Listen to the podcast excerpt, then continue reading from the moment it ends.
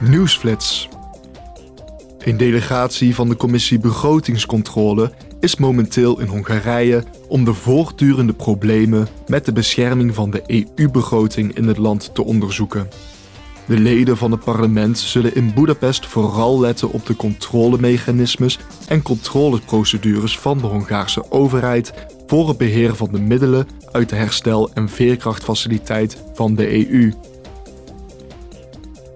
Een Belgische app voor vluchtelingen, een mobiel klimaatmuseum uit Litouwen en een Nederlands platform voor jonge Europese journalisten zijn de winnaars van de Europese Karel de Grote Prijs voor Jongeren 2023.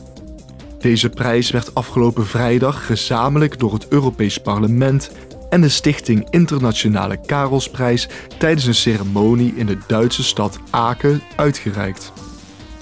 De eerste prijs ging naar de Belgische app ILAM. Dit is de eerste taalapp die is toegespitst op vluchtelingen en asielzoekers. Met behulp van taal worden in de app interculturele misverstanden en verschillen tussen vluchtelingen en hun gastlanden toegelicht.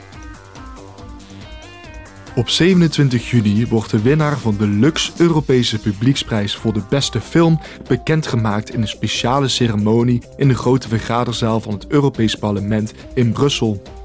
Zowel de leden van het Europees Parlement als het publiek konden hun mening geven over de vijf genomineerde films, waarbij elke partij even zwaar meewoog.